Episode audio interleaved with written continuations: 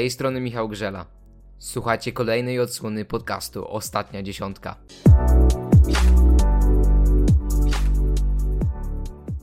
I tym sposobem dobrnęliśmy do końca sezonu 2020-2021. Za nami bardzo długi weekend w Planicy. Weekend, który nie był zbyt dobry dla reprezentantów Polski, trzeba to uczciwie sobie powiedzieć. Prawdę mówiąc, spodziewałem się zdecydowanie lepszych występów podopiecznych trenera Michala Doleżala. Niestety, wyjąwszy tak naprawdę Jakuba Wolnego, być może też Andrzeja Stękałę, nikt nie stanął całkowicie na wysokości zadania. Najbardziej niepokojąca była rzecz jasna postawa Kamila Stocha. I tutaj trzeba powiedzieć, że dwa konkursy z rzędu bez punktów trzykrotnego mistrza olimpijskiego to jest sytuacja bez precedensu, sytuacja, której myślę, że nie pamiętają młodsi, ale też starsi kibice, bo w ostatnich 10 latach od sezonu 2010-11 Kamilowi tego typu sytuacja zdarzyła się tylko dwa razy. Raz było to w sezonie 12-13, a drugi raz w pamiętnym, bardzo kiepskim dla całej reprezentacji Polski sezonie 2015-2016. Co dalej? Osobiście zastanawiałem się przez kilka dni, co powinien zrobić Kamil Stok, żeby dobra forma utrzymała się dłużej kolejnej zimy, bo jak doskonale pamiętacie, przełom 2020 i 2021 roku, no to był czas, który Kamil no może w tym momencie podsumować jako fantastyczny dla siebie z perspektywy czasu, bo nie miał sobie równych. Nawet Halvor Egner Granerud nie był w stanie mu zagrozić. Polak zdobył turniej czterech skoczni, po raz trzeci w karierze wygrał właśnie austriacko-niemiecki cykl, a potem coś się posypało, nie wyszły mu Mistrzostwa Świata, sporadycznie stawał na podium, ale też e, analizując całe wyniki Kamila Stocha, wszystkie wyniki Kamila Stocha, można zauważyć, że tak naprawdę w jego przypadku więcej było konkursów gdzieś poza pierwszą dziesiątką, aniżeli w tej ścisłej czołówce i to było coś, myślę, niecharakterystycznego i coś, nad czym Michał Doleżal, a także inni trenerzy polskiej kadry na pewno muszą popracować. Mój pomysł oczywiście jest to sugestia kibica samozwańczego eksperta. Jest taka, żeby Kamil częściej odpuszczał treningi. Jedyna sytuacja, która, mm, dzięki której zobaczyliśmy właśnie Kamila opuszczającego nieobowiązkowe treningi czy serie próbne, to były Mistrzostwa Świata w Oberstdorfie. Mistrzostwa, tak jak już wspomniałem, dla Kamila zupełnie nieudane. Natomiast w Pucharze Świata, gdzie czasami mamy loty, czasami jest to skocznia normalna, czasami duża, Kamil tak naprawdę uparcie przystępuje do każdego treningu. I ja mam wątpliwości, czy to jest dobra droga, bo przykłady Ryoyu Kobayashiego i Stefana Krafta, a więc zawodników zdecydowanie młodszych od Kamila Stocha, pokazują, że opłaca się to robić, dlatego że A. Ograniczamy szanse, ograniczamy ryzyko kontuzji i B. Jesteśmy w stanie składować siły na najważniejsze momenty sezonu. Kobayashiemu tej zimy nie wyszło to na pewno w pełni i nie może być całkowicie usatysfakcjonowany, ale Kraft, który zmagał się z problemami zdrowotnymi, trapiła go kontuzja pleców, wygrał Mistrzostwo Świata w Oberstdorfie i myślę, że absolutnie nie żałuje tego, że odpuszcza sobie jeden trening w trakcie całego weekendu poświęca zaledwie jeden skok.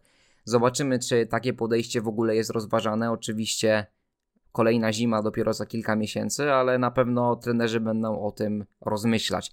Rozmyślać mogą też o hierarchii w całej kadrze, bo planica pokazała nam, że wcale nie musimy na Igrzyska Olimpijskie pojechać w tym żelaznym składzie. Mówię tutaj o drużynówce, który uwzględni legendarną trójkę Żyła Kubacki Stoch. Wydaje mi się, że zarówno Andrzej Stękałek i Jakub Wolny to są skoczkowie, którzy przygotowani optymalnie do sezonu, optymalnie do konkretnej imprezy są w stanie zagrozić najlepszym Polakom. Również na zapleczu, co pokazuje Puchar Kontynentalnym w Czajkowskim, dzieje się dobrze. To był pozytywny krok naprzód, jeśli możemy to w ten sposób ująć, dla polskich skoków pod kątem głębi składu, która była jednak ogromnym zmartwieniem przed przyjściem Michała Doleżala za czasów Stefana Horngachera jako trenera polskiej kadry. I dlatego uważam, że na pewno możemy mieć pewne wątpliwości, czy mogą nas trapić myśli nieco bardziej negatywne po tej planicy, ale cał, całokształt tego sezonu i wszystkie wyniki zarówno w Pucharze Świata, jak i Pucharze Kontynentalnym to jest mały sukces każdego zawodnika i krok do przodu dla całej polskiej federacji.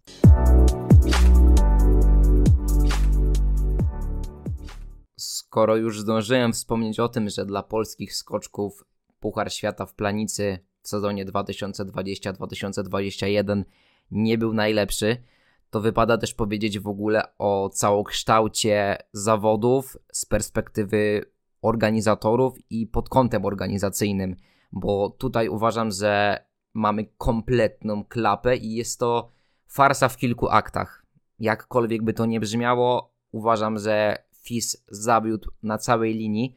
E, zacznijmy od tego, że Planica, jeden konkurs, e, który został zorganizowany w zastępstwie Wikersund za całe Row R, no jest to dosyć dziwna sytuacja. Myślę, że można było znaleźć zastępstwo mimo trudnych czasów, ale jeśli już skupimy się tylko i wyłącznie na rywalizacji na letalnicy, to tutaj dużo absurdalnych sytuacji, oczywiście po pierwsze z notami, co jest tak naprawdę nieodłącznym, integralnym elementem bolączek trapiących skoki narciarskie w XXI wieku, ale oprócz tego zabawa z belką, która przynosi, ma, przynosi nam takie rewelacje, jak ta w trakcie niedzielnych zawodów indywidualnych. Bor Paulocic leci prawie na 250 metr. Po chwili Markus Eisenbichler skacze 221 metrów i przegrywa zaledwie o kilka punktów ze Słoweńcem. Jest to szaleństwo, bo to jest 30 metrów różnicy, a więc jednak różnica jest kolosalna. Myślę, że to wymaga jednak jakiejś analizy ze strony FIS-u i planica być może też przysłoniła problem moim zdaniem najważniejszy, czyli zapaść skoków narciarskich w krajach, które nie należą do wielkiej szóstki.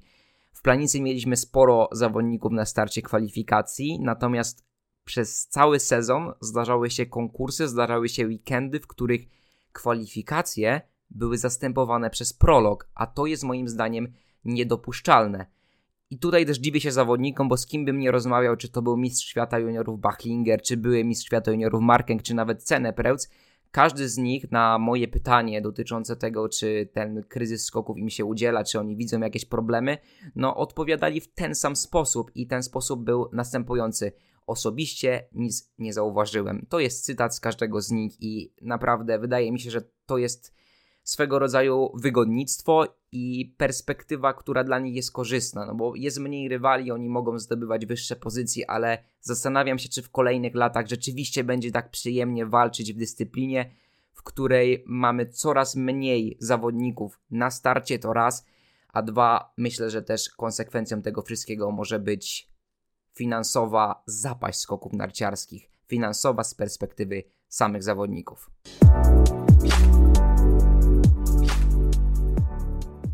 Oczywiście, gdy rozkładamy na czynniki pierwsze te grzechy FIS-u, grzechy skoków narciarskich w 2021 roku, no tutaj niemożliwym jest ominięcie osoby Sandro Pertile. Ta część podcastu będzie bardzo krótka, ponieważ zadam sobie i Wam jedno, ale fundamentalne pytanie. To pytanie dotyczy właśnie wspomnianego Włocha Sandro Pertile i jak to jest z tym Sandro Pertile? Czy on rzeczywiście jest gorszy od swojego poprzednika, którego jeszcze widzieliśmy w poprzednim sezonie, czyli Waltera Hofera.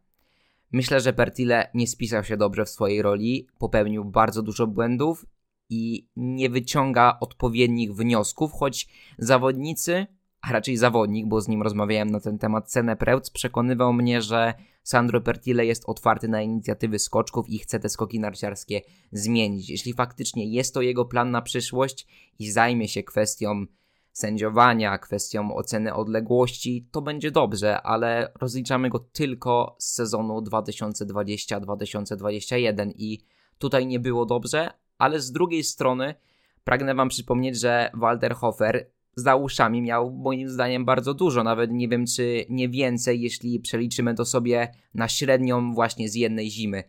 Przypomnę wam tylko trzy sytuacje i tym samym zamknę tę część podcastu, ale Row Air i odwołanie w trakcie początku pandemii koronawirusa, absurdalne sytuacje właśnie z Walterem Hoferem w roli głównej, który wydawało się, że zaraz dowie się z mediów, że sam ogłosił zakończenie cyklu Rower w sezonie 19-20 i zawodnicy byli tam jednak w dużej dezintegracji, jeśli chodzi właśnie o kontakt na linii zawodnicy, czyli między nimi a samym podmiotem decydującym FIS-em, w tym wypadku reprezentowanym przez Waltera Hofera. Do tego dochodzą jeszcze absurdalne konkursy, które różnie kończyły się dla Polaków, czyli Pyeongchang, Pyeongchang 2018 oraz Zefeld 2019.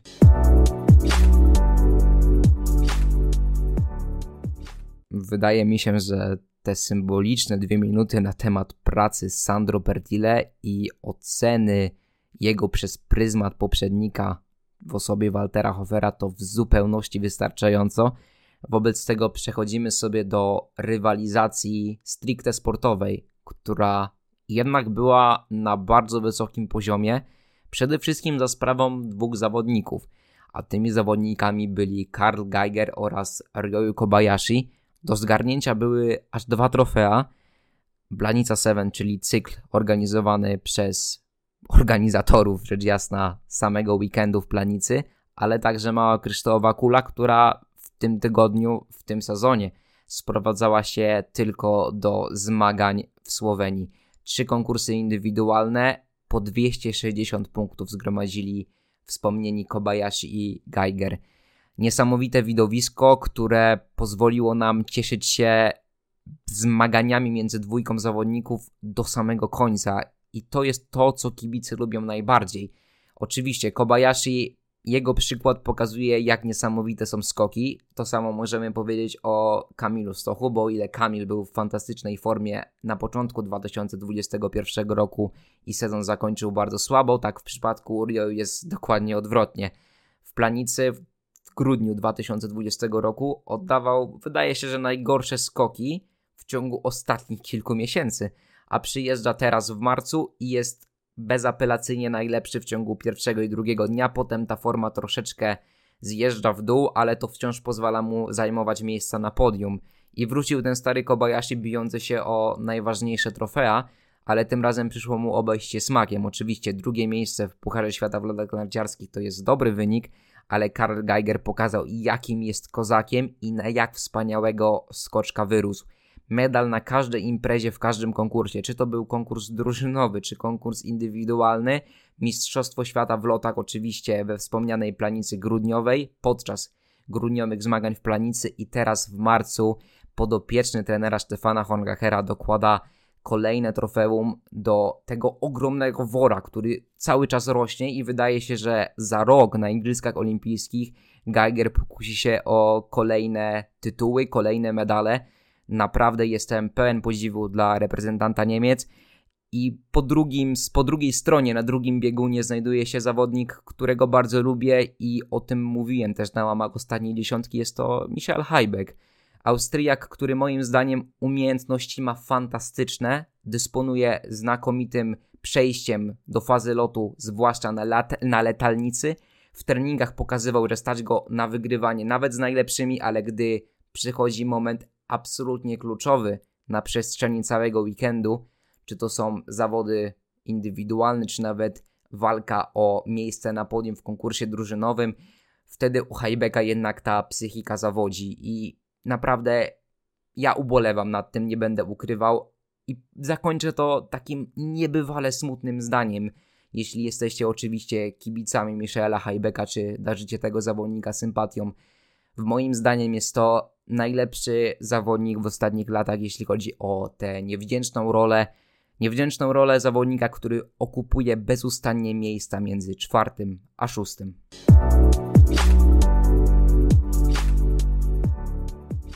Jak zapewne zdążyliście zauważyć, e, dzisiejsza ostatnia dziesiątka, ostatnia dziesiątka, która stanowi jednocześnie ostatni akt sezonu 2020-2021, wyjąwszy rzecz jasna podsumowania, nieco nam się przedłużyła, ale mimo to pozwolę sobie na dodatkowe dwie, może trzy minuty.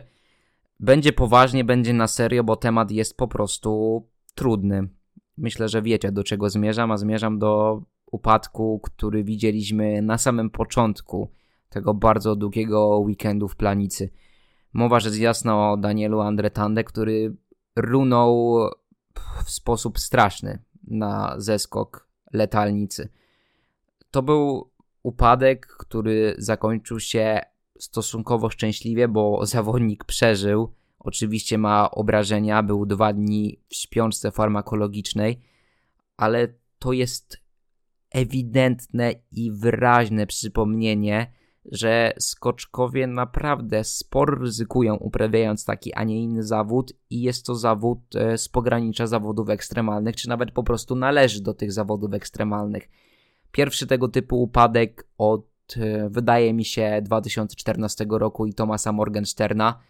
Bardzo trudny temat i ja osobiście mam problem z zebraniem myśli w tej chwili to, co chciałbym przekazać Wam, przekazać też całemu środowisku, które śledzi skoki narciarskie, to życzenia dla Daniela Andretande, czyli powrót do zdrowia przede wszystkim fizycznego, ale też psychicznego, czy właśnie przede wszystkim psychicznego, bo to ono będzie najważniejsze w długoterminowej perspektywie. Zobaczymy, co Daniel zdecyduje. Jakakolwiek jego decyzja nie będzie, trzeba będzie ją uszanować. Wydaje mi się, że będzie trudno Danielowi wrócić, ale mam nadzieję, że się mylę i mam też szczerą nadzieję, że znajdzie w sobie na tyle dużo energii, że będzie też czerpał radość z uprawianego przez siebie zawodu, że to pozwoli mu kontynuować karierę skoczka narciarskiego, bo jest to zawodnik bardzo dobry ze ścisłej światowej czołówki i byłaby naprawdę wielka szkoda stracić go właśnie z naszego radaru kibicowskiego czy eksperckiego radaru przez tak fatalny incydent.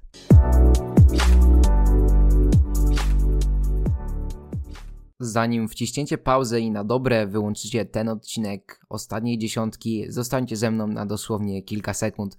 Po pierwsze, bardzo dziękuję Wam za wysłuchanie tego podcastu. Nawet nie wiecie, jak wiele znaczy dla mnie fakt, że poświęciliście kilka minut na moją twórczość. Bardzo to doceniam i jednocześnie zachęcam Was do obserwowania tego podcastu za pośrednictwem platformy Spotify. Jest to możliwe poprzez kliknięcie przycisku follow, tudzież obserwuj w zależności od tego, jaką wersję językową preferujecie. To również jest bardzo motywujące dla mojej twórczości i wiedzcie, że naprawdę o Was pamiętam. Trzymajcie się, do usłyszenia w następnym tygodniu.